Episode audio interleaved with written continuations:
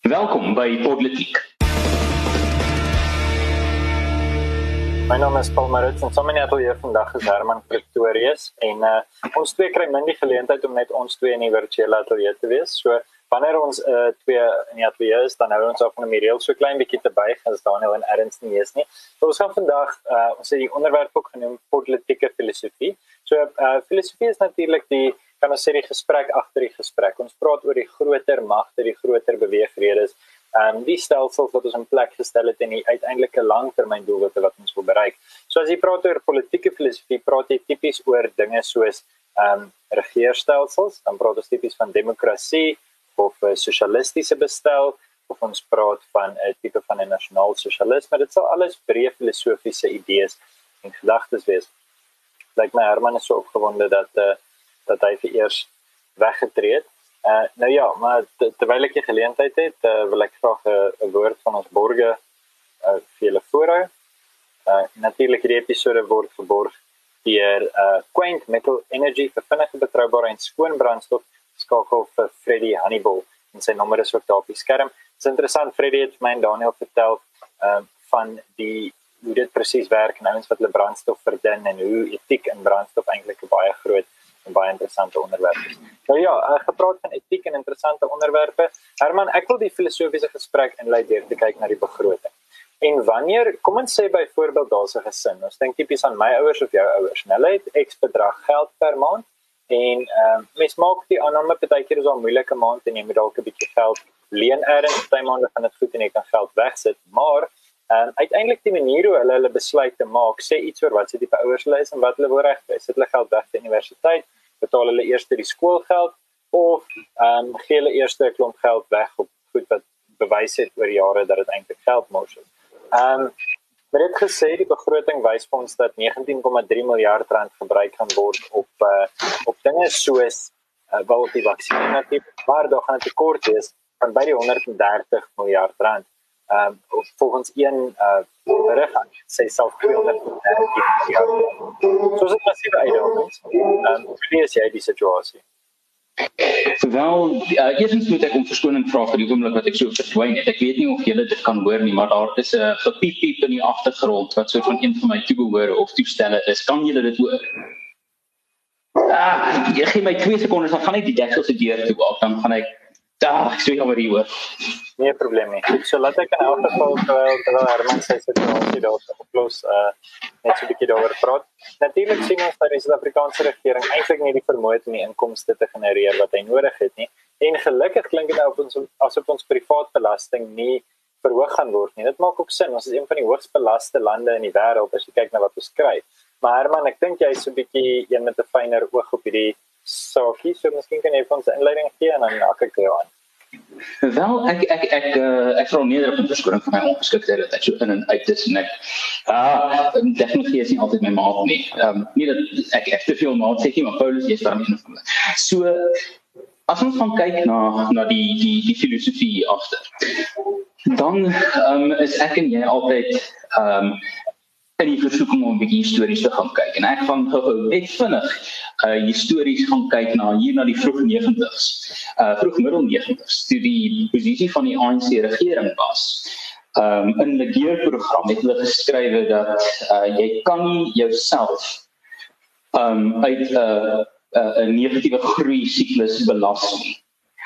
Nou dit is 'n baie interessante punt want ek dink dit is deesdae nogal nogal 'n skaarse posisie, amper 'n ekstreme posisie. Ek dink min lande in in in in vandag se wêreld koop volledig in in die konsep dat uh um, wanneer jy kan jouself uit uit 'n nawe situasie leen of skuld of belas of so iets.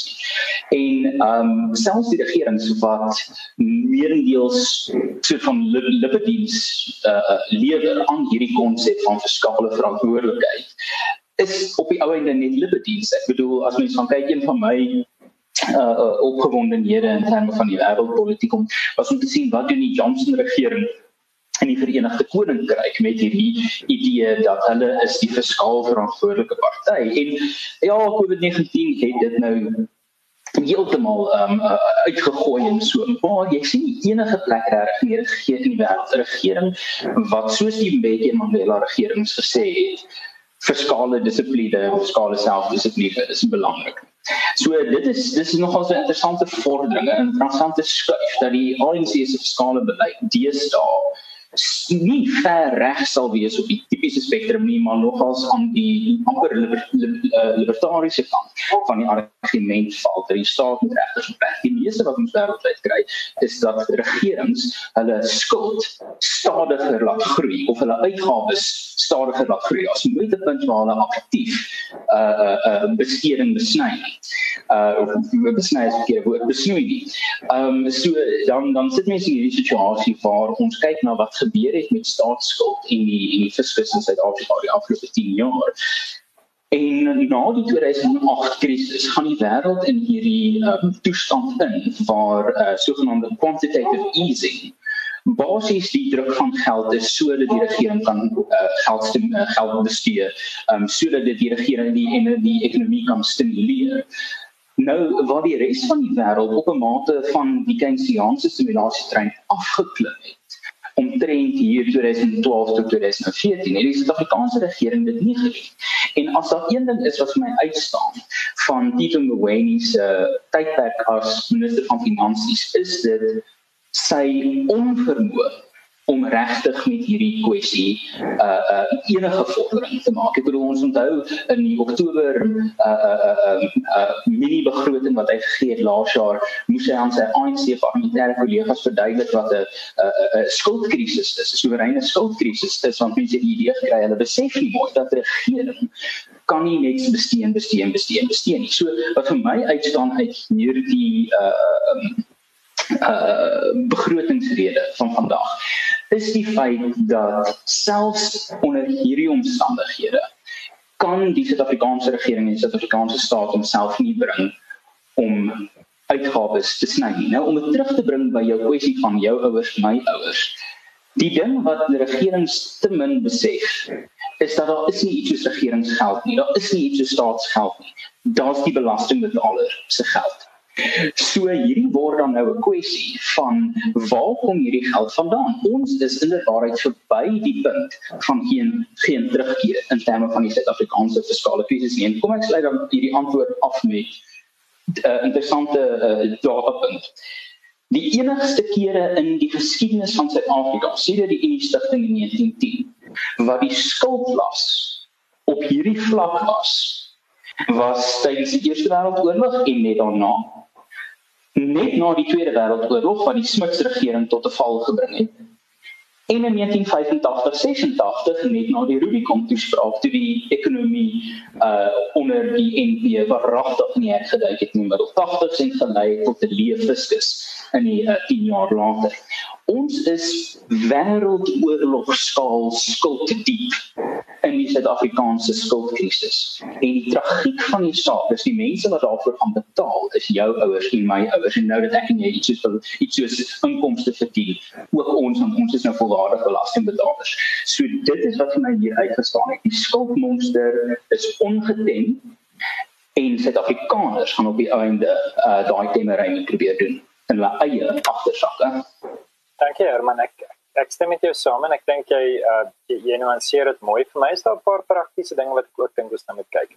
So ek wil eerstens praat oor die beweging van 'n rand en dis vir my iets wat baie belangrik is. So, ons weet dat ehm um, die hoeveelheid keer byvoorbeeld wat 'n rand in 'n informele nedersetting beweeg, vandat hy getrek word totdat hy weer gedeponeer word, is miskien ehm um, jy weet een keer, twee keer, drie keer daaroor en tipies in Sandton en in die Weskaap rondom die waterfront en in Pretoria hier rondom Menlyn, ehm um, is die is die tipiese hoeveelheid kere wat 'n rand beweeg in die in die 10s en die 20s. Wat dit effektief beteken is maar net daar's 'n toename in ekonomiese aktiwiteit. En natuurlik besou trek ons nie noodwendig ons geld nie, ons plaas dit rond en ons het gebruik aktiwiteit daarmee, maar die punt is ons moenie dink dat wanneer daar 1 rand jy weet gedruk word of 1 rand jy weet toegevoeg word sodat dit ons kan gebruik, beteken dit dat R1 se waarde gekoop kan word nie. Daar's 'n daar's 'n baie bepaalde punt om te maak oor ekonomiese aktiwiteit. As ek 'n salaris kry van R10000, ek besluit ek gaan hierdie R10000 gebruik om my huur te betaal van kom ons sê R4000. Vir die van julle wat nog nie 'n plek hier nie, die syfer is onrealisties. Jy kan vir R4000 in Pretoria niks hier nie. Ehm um, maar net net kom ons gebruik dit as agtergrond. Ek besluit ek gaan R4000 eh, spandeer aan hier. Ek betaal daai huur aan 'n eiendomsmaatskappy. Hulle betaal 'n salaris. Hulle ouens wat salaristrekkers is, betaal hulle eie huur, maar hulle koop ook 'n klomp goeder. Hulle spandeer geld in Menlyn winkelsentrum om koop hulle klere. Die geld gaan van daar af en die mense wat dit by die winkel ingeneem het, betaal hulle salarisse. Die rand vloei, dis met ander woorde wat ek sê. En ehm um, vandat hy die eerste keer, jy weet, miskien onttrek is of vandat hy uh weet ontgin is as 'n hulpbron wat ek al weet, dit is nie meer op die goudstandaard nie en dit is redelik tegnies, so ek wil nie te diep op dit ingaan nie, maar die punt is, dit is vir 'n regering goed om ekonomiese aktiwiteit aan te help. Dis hoekom soveel regerings reg oor die wêreld besig is om klein en medium ondernemings te probeer help. Presies dieselfde sal in Suid-Afrika sien waar hulle sê goed, maar die die um die National Youth uh grant wat ek al gaan vir jou R50000 gee as jy jou besigheid wil begin en jy voldoen aan hulle BEE vereistes en dis meer. So dis presies wat hulle eintlik probeer doen, maar hier is die probleem. Wanneer ek iemand in diens wil neem en, en dis die eerste vlak van ontwikkeling van 'n besigheid. So kom ons sê ons het nou politiek en ons begin nou advertensies wys. Die oomblik wat ons genoeg advertensies het en miskien 'n klomp ander potsendings het wat deel word van politiek, dan kan ons dalk 'n sekretaresse aanstel. Ons kan sê hoor jy ons kom nie by alles administrasie uit nie. Help ons asseblief nie dan is ons op 'n punt om te sê goed kom ons stel iemand aan. Nou hier is hier is 'n interessante punt en dis waar ek die hele storie nou wil vasmaak aan Piet en Bowen. Dit gaan vir ons makliker wees om iemand aan te stel wanneer ons vir daai persoon kan onderhandel oor wat die werk vir ons werd is. As ons byvoorbeeld sou sê luister, ons het 'n bitterlike lae administratiewe las en ons is bereid om vir jou 'n bedrag te betaal wat uitwerk op R15 'n uur. Jy gaan teen teen een nie die hele dag werk nie. So dit maak sin vir ons almal, maar op papier lyk dit soos R15 'n uur. Ehm um, jy weet dan volgens huidige wetgewing mag ons dit nie doen nie. So wat gebeur? Ons mag nie daai persoon aanstel nie. Politiek gaan nie groei nie want ons het nie administratiewe hulp nie. So ons hou aan om in die aande te probeer om ons goeders te doen. En en so dis wat reg deur in Suid-Afrika nou gebeur. Ek sou dalk bereid wees om vir my klein grasperkie iemand aan te stel en te sê hoor ek kan vir jou R50 gee vir die dag. Kom sny gou my gras. Dit gaan net 2 ure besig hou maar ek mag nie want as ek hom wil aanstel moet ek hom R21 per uur gee. So vir 'n dag moet ek hom na R160 gee. Nou goed daar is dit soos 'n informele ekonomie en ek en hy kan met mekaar onderhandel.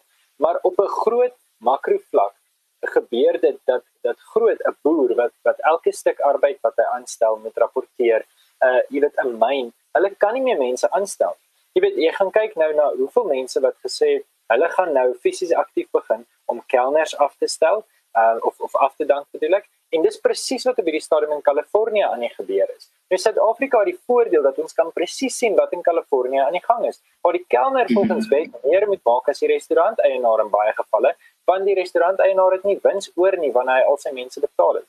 So daar's 'n paar baie slegte ekonomiese besluite wat eintlik effektief daarop neerkom dat die ja, dan praat dan toe regering se mag, maar hier sien ons wat doen die regering met sy mag. Hy vat sy mag en dan sê hy vir ons voor, julle met X en julle met Y. Maar wat hy nie besef nie is as ons ons het nie eintlik net twee keuses. Wat hulle vir jou sê is jy het twee keuses. Jou keuses is stel die persoon aan teen die bedrag wat ons voorstel of stel die persoon aan teen 'n minimum bedrag en ons gaan jou arresteer. Daar's 'n derde opsie. Mhm. Daai opsie is ek gaan niemand aanstel. Ek gaan liewer my besigheid ja. toemaak. Ek gaan liewer my besigheid skei. In die tyd waarin ons leef, is dit baie maklik. Dit is nie maklik nie, maar dit is moontlik om jou besigheid te gaan ehm um, vestig in byvoorbeeld Portugal of in Estonië of ietsie as jy 'n aanlyn besigheid het. En jy weet dan sê jy net wel ek is nie 'n Suid-Afrikaanse besigheid. En meer en meer hmm. mense gaan dit doen as hulle dit kan bekostig en meer en meer gaan ons sien dat die Suid-Afrikaanse ekonomie mense nie aan die werk kry. So ek kom terug na die nasionale begroting. Uiteindelik is dit Mboweni besig om te probeer presies soos jy gesê het om ons land uit die arme uit te probeer aanstel. Ek weet nie hulle skep werk nie het hulle 12,3 miljard rand laas jaar ge gehad en hulle gaan dieselfde nou weer hierdie jaar gebruik om 600 000 werke te skep. Onthou net, in die in kommunistiese Rusland was daar iets soos werkloosheid nie. Almal het 'n werk gehad. Dit nie beteken dat dit substantief gedoen het. Ons het hierdie gesprek in politiek al 3 of 4 keer gehad. Die punt is dat jy moet mense ekonomies aktief hou. Jy moet hulle geïnsentifiseer hou. Jy moet mense betrokke kry. Jy moet hulle toegang gee tot kapitaal, toegang tot ekonomie. En ek kan nie sien dat hierdie begroting dit doen nie nie sien dat hierdie begroting ons land se wiele aan die hardloop gaan kry nie. En Tito Mboweni het 'n meestersgraad in ekonomie aan Sheffield Universiteit in Engeland. Hy behoort te weet hoe werk ordentlike ekonomie. En hy behoort beter te weet as om vir ons hierdie sosialistiese nonsens te bring. Nie omdat ek 'n bepaalde voor sosialisme het nie. Ek het Maar ek is ook groot genoeg om te kan sê, weet jy wat ek ek verstaan waar dit vandaan kom. Ek verstaan Joe Slovo en sy gedagtes oor die toekoms van Suid-Afrika. Jy weet en ek verstaan Mandela se oortuigings en hy is vir almal en jy weet die die emosionele kant van my wil sê ek verstaan hoekom dit gedoen het al is dit in in teenstelling my ervarings. Maar dit is tyd om te besef dit werk nie. Dit is tyd om te besef dat werkloosheid in hierdie land absurde vlakke bereik en ja. dat die opleiding wat ons vir die mense net nie help Mens kan nou seker vir altyd aangaan hoor, maar op 'n politiek filosofiese vlak is dit nodig om te besef die hele wêreld het die 20ste eeu projek van grootskaalse sentralisme gelos. Hoekom is dit vir Suid-Afrika nog die beste besluit om dit te doen? As ons kan sien dit werk. Kan my verstand te bowe Herman? Ja, ek moet sê dit is nogal dit dit dit dit, dit gaan nogal mense verstand te bowe en en ehm um, ek het ek het baie simpatie, wel nie besonder baie nie. Ek het nogal baie simpatie of 'n matige aantal simpatie vir Tito Mboweni, want ek dink hy verstaan nie die goeters. Ek dink net hy het nie enigsins die politieke kapitaal binne die kabinet om hierdie argumente te wen nie.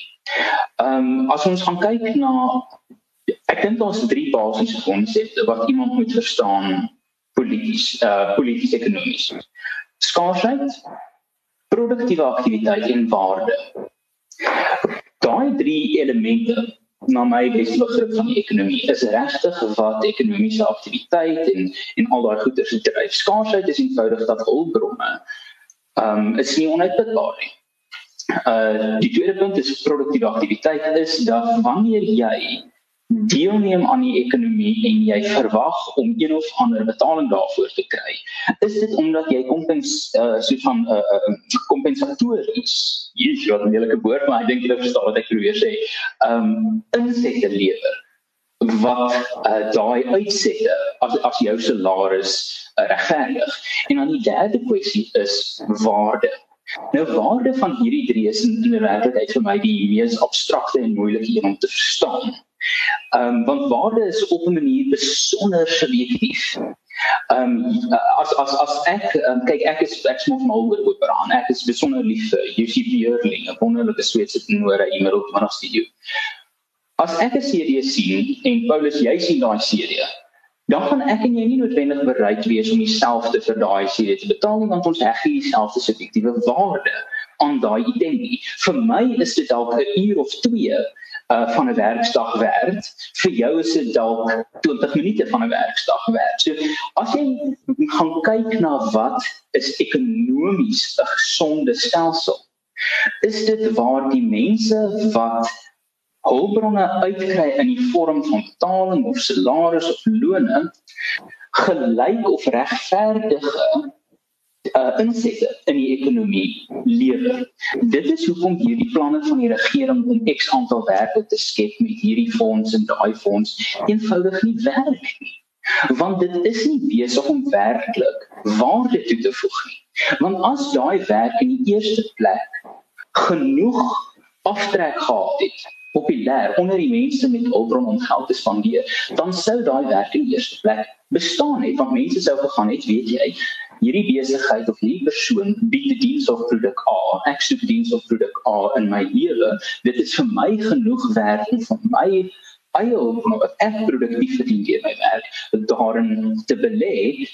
Dis is daar dan 'n handelingsooreenkoms die daarsoos ekonomiese aktiwiteit wat die regering nou hier kom staan en doen is hulle probeer dit dubbel. Hulle probeer hierdie hele stelsel omseil deur te sê jy kan iemand 'n werk gee en dan hoef deur toorkrag gaan daar een of ander waarde toevoeging kom vir die verbruiker subjektief wat gebruik is om daai geld te gee. So dis hoekom waarde so 'n probleem is. Is as jy nie waarde in 'n produktiewe wyse kan bydra nie, dan kan jy nie reg ekonomiese aktiwiteit hê en dan kom ons by skaarsheid. En dis wat die probleem is as ons ook kyk na belasting wat die regering hier probeer doen.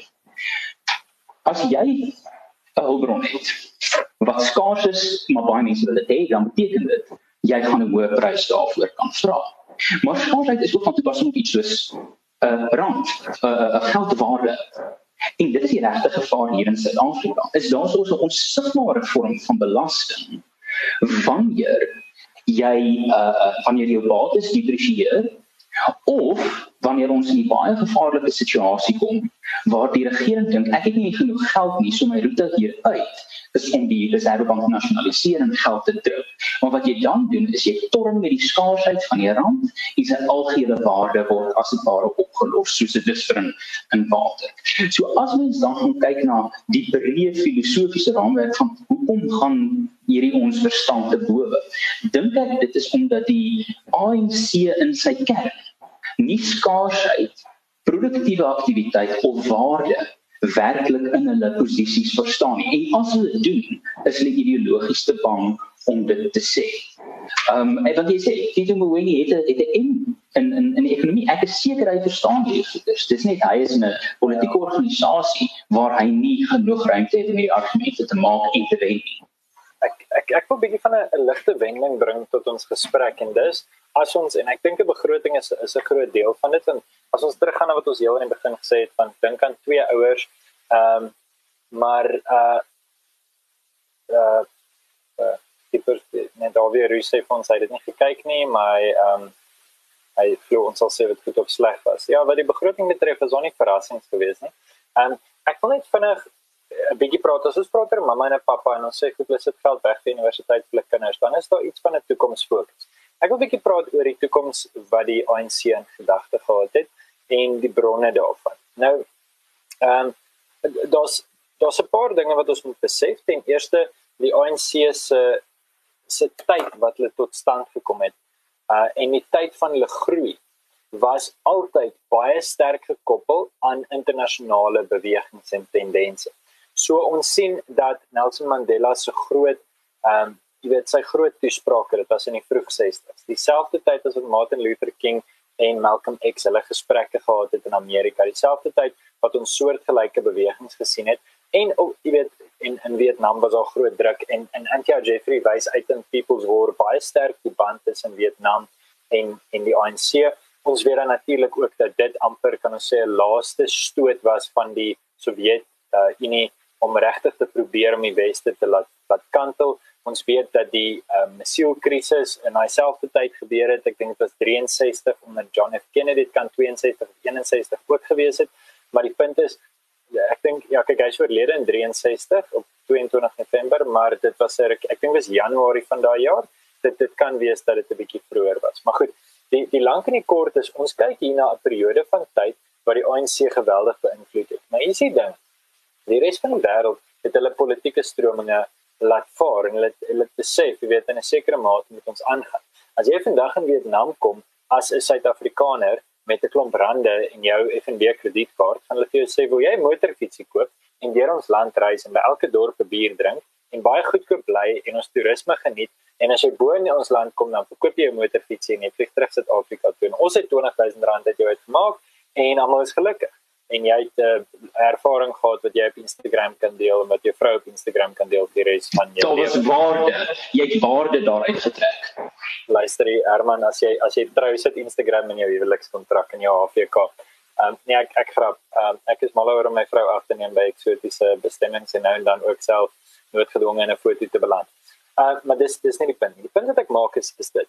Daai lande het, het 'n toekomsperspektief gehad, maar hulle het op stadium aanbeweeg. Thailand, Vietnam, Bangladesh, alle lande het besef produksie en om 'n salaris in die mense se hand te sit en om hard te werk en om die wêreldmark te kompeteer om Amerikaners te oortuig om ons teende te koop. Dit is hoe ons land vooruit gaan gaan. Om Amerikaners en Britte en Duitsers te oortuig om van ons belsentrums gebruik te maak, dis hoe ons vooruit gaan gaan.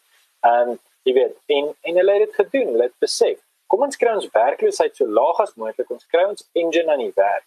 Jy weet om te sê jy bly in 'n huis en jy het 5 mense, maar net 2 van hulle werk en die ander 3 kan werk, maar hulle wil nie of daar's wetgewing wat hulle forceer om nie uit die huis uit te gaan nie. Hulle moet nou daar sit en niks doen nie. Jy weet dis effektief wat aan die gang is. En en kom ons bring dit terug na die toekoms toe. Ons gaan baie lank hierop kan indelf en ek ek het al gepraat oor professor Salerno, Joseph Salerno van die Mises Instituut wat baie praat oor die prysteorie en dit raak nogals aan wat jy nou gesê het.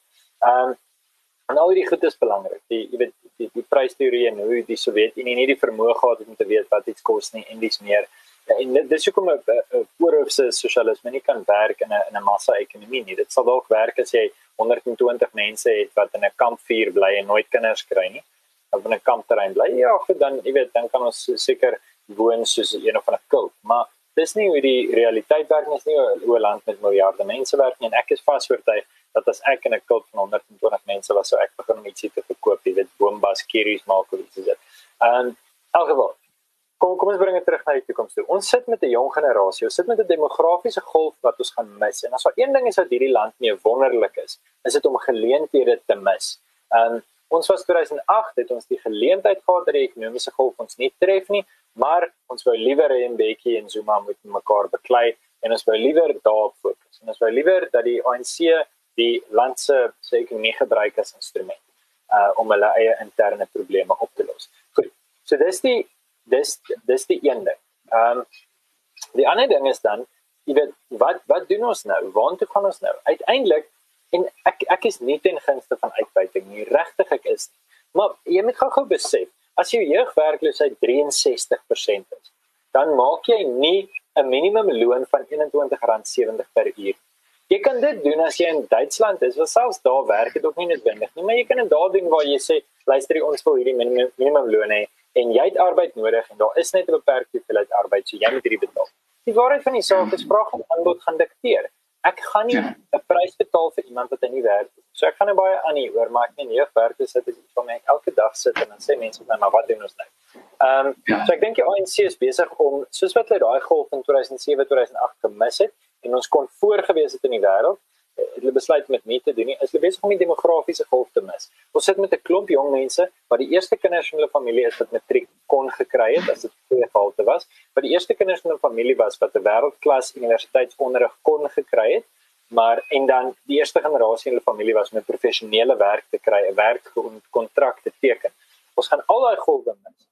Wat gaan beteken dat die res van die wêreld ons gaan verbyvat. Wat gaan beteken dat Tanzanië en Uganda en Rwanda en Ghana en Nigerië en selfs Zimbabwe en Botswana, lande wat 10 jaar terug baie ver agter ons was, dat hulle voor ons 'n um, eerste wêreldstatus gaan bereik as ons dit ooit gaan bereik. En ek is bevrees ons is op pad agtertoe nie vorentoe. Ja, ek ek moet sê die daar's hierdie gesegde, die enigste ding erger as om deur die kapitaliste uitgebuit te word, is om nie deur die kapitaliste uitgebuit te word nie. Ehm um, van die werklike minimumloon is nog as jy wil weet wat is die werklike minimum wat iemand kan kry, is dit nog en vra die sê 64% van uh Suid-Afrikaanse jeug. Ja, die Romeine het dit geweet daar, want die Romeine het dit geweet. Yes. En en uh, die die die kwessie hier is ehm um, wat is die die oplossing? En Daar is 'n baie fascinerende tydperk in die geskiedenis van die middel 70s tot die middel 80s waar Indië en China verantwoordelik was vir die uh uh, uh maatskaplike opheffing of of uh, bemagtiging van amper 'n miljard mense. En as jy gaan diep delf en kyk onder die data, is dit uh beskryfbaar aan die bevryding van die markte. Hulle het dit makliker gemaak om besighede te begin. Hulle het dit makliker gemaak om mense aan te stel. Maar die die die soort van uh, soet by die suur is dat as jy dit maklik maak om iemand aan te stel, moet jy dit ook maklik maak om iemand af te dank. Want dit is 'n risiko wat jy neem en jy kan nie daai risiko's bestuur as jy baie maklik risiko's op jouself kan neem, maar jy kan nie weer van daai risiko's ontslaa raak nie. Dis wat my probleem is met die minimumloon. Die die gedagte agter die minimumloon is lieflik. Dis reg reg mooi. En dis netjies en en almal moet 'n basiese menslike inkomste hê. En dis soos jy sê, ons is nie vir uitbuiting nie. Maar ons is ook nie vir armoede nie. As ek moet kies tussen uitbuiting en armoede, dan sou ek gaan vir uitbuiting, want minstens die dekselse uitbuiting het jy 'n uh, uh, werkgebaseerde uh wat skills in Afrikaans. Um vaardighede. Vaardighede ontwikkeling. Dit is die dit is die groot probleem wat ons ook moet sien in 'n demografiese jong land soos Suid-Afrika. Ons natuurlik gaan 'n jonger persoon minder verdien as 'n ouer persoon. Dit is net hoe dit werk. Jy het nog nie vaardighede of ervaring wat die moeite werd is om jou te betaal. Iemand wat die naam naby aan die einde van hulle loopbaan is en wat 30, 40 jaar van kennis het om te bied vir hulle werkgewer. So as ons gaan kyk na die situasie situasie van lae loon En dan is die vraag wat gaan ons doen? En dan moet ons kyk nasionaal. Ons moet kyk na Indië. Ons moet kyk na die middel 70s tot middel 80s waar hulle hulle marke geliberaliseer het, juis om dit makliker te maak om besigheid te doen en natuurlik om dit makliker te maak om te misluk in besigheid. Die rede hoekom ek ten sterk in gunste van die vrye mark is, is nie omdat ek dink die vrye mark is magies nie. Ek dink net hy het gefragmenteerde uh, en geïsoleerde mislukkingsmeganismes. Is 'n bietjie soos die Titanic. Die Titanic het 6 of 13 of hoeveel kompartemente ook al gehad. Dat as 1 2 3 of hoeveel van hulle ook uh uh bestroom word deur water kan die skip nog steeds aan die gang bly. Ekonomie is amper soortgelyk. Die probleem met 'n sosialistiese sentrale beheerstelsel waar die regering al hoe meer belasting vat want hulle voel hulle het 'n beter begrip op waar die hulpbronne spandeer moet om mense te help. Jy het al jou probleme in een mandjie. Al jou eiers in een mandjie geplaas. As daar iets fout gaan, gaan dit fout vir almal. Die vrye mark is verweer, maar die vrye mark wat hy ten minste doen, is hy fragmenteer en hy isoleer hierdie mislukkings sodat die gevolge daarvan nie absoluut rampspoedig kan wees en dit is wat Suid-Afrikaners regtig moet besef. As ek nog een keer, dit het dan opgehou op stadium hierdie idee dat Pravin Gordhan sat uit uit in weg tyd Pravin vir president of toe iemand homself vir president. Die probleem met Pravin Gordhan is nie dat hy 'n oneerlike man is nie, daaroor is verstaan kan mens debatteer, maar hy was 'n sosialis wat geglo het, hy is 'n sosialis wat glo in 'n sentrale beheer ekonomie en die ANC is oorval deur daai ideologie. Mandela het dit reg gekry om in 92 die beheer van die beleids uh, uh dokumente of die beleidsmeganismes van die ANC weg te krap van die verre linkse faksie in die ANC. Dit is hoekom ons sukses gesien het in die middel 90s tot middel 2000s jare waar ons 5 ons het vir 3 jaar in 'n ry, ek dink dit was 2007, 8, 6, 7 en 5, 6 het ons 5% BBP groei gesien in elke jaar. Nou die probleem hier is dat ons het 'n regering wat absoluut sentrale beheer wil hou. En ons sê nie dit is op sig sleg op sigself die probleem nie. Dit is net wanneer dit fout gaan het dit nie die vrye mark bonus van dit dit gaan fout in kleiner isolerende faktore nie. So die minimumloon is daai probleem En dit maak dat wanneer dit fout gaan, dit op groot skaal fout gaan. Die beste studie en hierdie ek wil jou afsluit wou. Die beste studie wat ek nog gelees het oor die minimumloon. Ek kan nie presies onthou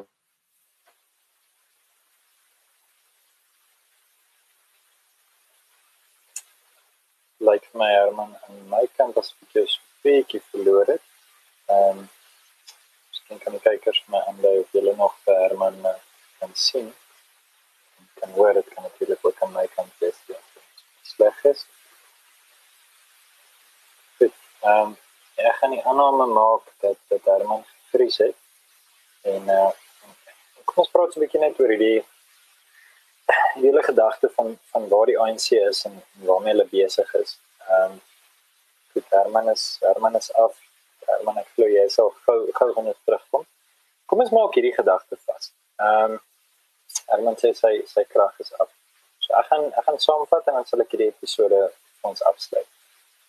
Die oorhoofse probleem daar's dit daar's 'n magt om goeders. Ek verstaan die vrye mark kan breed wees en ek voel definitief nie dat jy weet daar is nie 'n plek vir 'n regering. Daar is 'n plek vir 'n bevoegde regering. Daar is 'n plek vir welsyn. Die probleem is as jy jou welsyn op so 'n manier uitrol dat dit mense glad nie sin maak om te werk nie. As jy dit so moeilik maak om iemand aan te stel dat dit nie vir besighede sin maak om mense aan te stel nie, dan kom jy op 'n punt waar basies jy weet helfte van jou volwassenes afhanklik is van van skenkings en van lenings en van van geld van die regering af, van hulle R350 toelaagtes van die regering af. En dit klink vreeslik oulik, maar daar's baie infantilistiese benadering daar. Infantilisties natuurlik ja, hanteer mense soos kinders wanneer wanneer mense sê luister hier so ehm um, ek ek kan vir jou sorg. Jy sê vir mense effektief hulle kan nie vir hulle self sorg nie. Daar is waarheid in daai uitdrukking leer man om vis te vang en in in voer om vir 'n lewe. Uiteindelik is ons nie besig om dit te doen nie. Uiteindelik is ons besig om te sê volg ons die ANC ons gaan vir jou sorg. Ons gaan vir jou temp en 'n boks KFC. Ehm um, laat ek hier op afsluit. Hulle het een keer vir vir Flipbuys gevra gaan jy en jou vakbond deelneem aan die optog. Uh, jy weet, jy sê jy weet ons wil nie 'n 10% verhoging vir ons vir ons lede se salarisse nie. Ons wil hulle salarisse verdubbel. Dit ons wil dit doen deur goeie onderrig en deur hulle geleenthede gee om hulle self op te werk en te verbeter. Dit is presies dieselfde hierso. Dis nie dat ek nie wil hê mense moet oorleef nie. Ek wil hulle moet oorleef. Ek net nie hulle moet oorleef op R350 'n maand of 350 rand per week of wat ook al. Ek wil hulle moet oorleef op die geleenthede wat hierdie land vir hulle bied, want die is massief baie geleenthede. Enigiemand met 'n goeie idee kan hier so 'n besigheid maak. Ehm um, ja, kom ons sluit kom ons sluit op dit af. Ek wil vir julle as politiek luisteraars vra as jy nog nie ingeteken is op YouTube nie, dit sal ons baie help as ons by 1000 volgers kan uitkom. So asseblief druk daai subscribe knoppie op YouTube en uh, as jy jou ma of jou sussie of jou vrou kan vra om dieselfde te doen, sal ons dit ontsettend baie waardeer. Ons sal dalk bietjie later volgende maand of so 'n lekker kompetisietjie uitrol. Maar vir nou, maak seker jy's ingeteken en op Facebook, dankie dat jy ons volg en uh tel gerus ons vriende, ons sien nog ons by politiek dat ons op 'n opwaartse kurwe is.